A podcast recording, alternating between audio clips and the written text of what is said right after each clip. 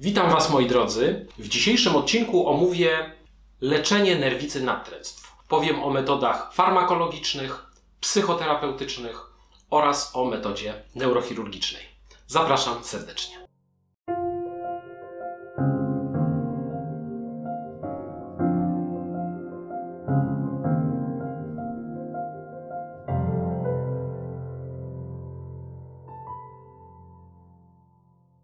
Punktu widzenia neurobiologii, nerwica natręctw polega na zaburzeniu równowagi pomiędzy dwoma przekaźnikami mózgowymi serotoniną i dopaminą. Poziomy serotoniny u pacjentów z nerwicą natręctw są znacznie obniżone. Wiemy nawet, jakie struktury mózgowe są w to zaburzenie zaangażowane. Są to m.in. kora przedczołowa, odpowiedzialna np. za planowanie czynności, jądro ogoniaste, odpowiedzialne m.in. za ruchy dowolne, zakręt obręczy, odpowiedzialny za przetwarzanie emocji czy motywację, oraz jądra szwu, to jest główne źródło komórek serotoninergicznych w mózgu. Jak leczymy nerwicę natręctw?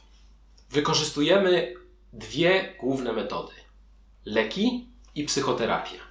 Jeśli chodzi o leki, to główną grupą leków, które wykorzystujemy, są leki przeciwdepresyjne z grupy SSRI, czyli selektywne inhibitory wychwytu zwrotnego serotoniny. Leki, które sprawdzają się tutaj, to przykład fluwoksamina, paroksetyna czy sertralina. Istotne jest to, żeby dawki leków były odpowiednio wysokie, często nawet wyższe niż w depresji, bo dopiero wtedy mają działanie antyobsesyjne. Jeżeli nie działają leki z tej grupy, to stosujemy inny lek starszej generacji, który nazywa się klomipramina. To również lek skuteczny, ale obarczony większą ilością działań niepożądanych.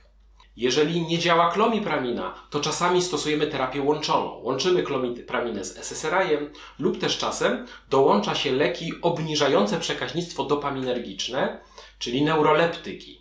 Tutaj najczęściej stosujemy risperidon w niskich dawkach lub haloperidol również w niskich dawkach. Oprócz leczenia farmakologicznego wykorzystujemy również metody psychoterapeutyczne, które mogą być prowadzone jako odrębna forma lub w połączeniu z farmakoterapią. Korzystamy tutaj z technik poznawczo-behawioralnych. Omówię dwie główne strategie, które sprawdzają się w pracy z chorymi z OCD. Strategia pierwsza polega na wyrobieniu w sobie dystansu do swoich natrętnych myśli. Podaję przykład. Jeśli matka ma natrętną myśl, chce skrzywdzić swoje dziecko, bardzo przeżywa ten fakt, pojawia się potworne poczucie winy i silne napięcie. Ale to jest tylko myśl, to nie jest jej ja. Podczas pracy psychoterapeutycznej staramy się, aby taka pacjentka nabrała dystansu do tej myśli. Myśl to nie ja, myśl to po prostu myśl. Ja tutaj lubię posługiwać się takim przykładem. Otóż proszę pacjenta, aby wyobraził sobie, że myśl to rzeka. Myśli płyną jak woda w rzece. Ale czasami w takiej rzece może pojawić się coś, co nas zaskoczy, zadziwi, jakieś zabrudzenie. Ale to zabrudzenie również wraz z tą wodą przepłynie. Jeśli pacjent w trakcie trwania psychoterapii nabiera dystansu do swoich myśli, napięcie, które one powodują, zmniejsza się. Strategia druga to redukowanie kompulsyjnych zachowań. Kompulsje, przypominam, to przymusowe czynności, które pacjent wykonuje, ponieważ odczuwa silne napięcie.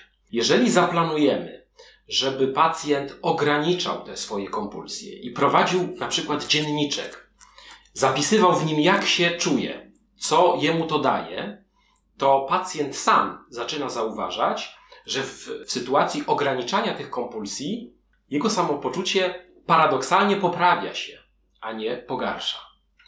Jeżeli pacjentom trudno jest ograniczać te kompulsje na początku terapii, to jest też taka technika, że proponuje się pacjentowi, aby robił to co drugi dzień. Tłumaczę. Jeden dzień pacjent może wykonywać kompulsje ile wlezie, ile chce. Drugiego dnia stara się je ograniczać. Prowadząc dzienniczek, zapisuje, jak się czuje. Po pewnym czasie pacjenci zaczynają zauważać różnice. W dniach, w których kompulsji wykonuje mniej, moje samopoczucie paradoksalnie dla pacjenta poprawia się. Jeżeli metody farmakologiczne i psychoterapeutyczne stosowane łącznie nie dają spodziewanego efektu, wtedy początkowo jeszcze raz powinniśmy zrewidować to leczenie, być może zmodyfikować leki, być może zintensyfikować działania psychoterapeutyczne. Ale czasem zdarza się, że nie działa nic, a chory ma bardzo nasilone objawy. Wtedy można rozważyć leczenie neurochirurgiczne. Ono stale jest uważane jednak za eksperymentalne, wykonywane bardzo rzadko, w bardzo szczególnych przypadkach. Ale jest taka metoda, która nazywa się głęboką stymulacją mózgu, e, która zdaje się w takich przypadkach pomagać. Na czym ona polega? Zakłada się stymulator do odpowiednich części mózgu pacjenta. Stymulator ten wysyła odpowiednie impulsy elektryczne, efektem czego jest obniżenie intensywności doznawanych objawów. Tę metodę stosuje się również w lekoopornej depresji czy w lekoopornej chorobie Parkinsona. Natomiast jest to metoda ostatniego wyboru i aby pacjent został do niej zakwalifikowany, musi przejść cały szereg innych metod, które po prostu okazują się nieskuteczne. Większość osób odnosi korzyści z leczenia farmakologicznego, psychoterapeutycznego lub obu tych metod stosowanych łącznie.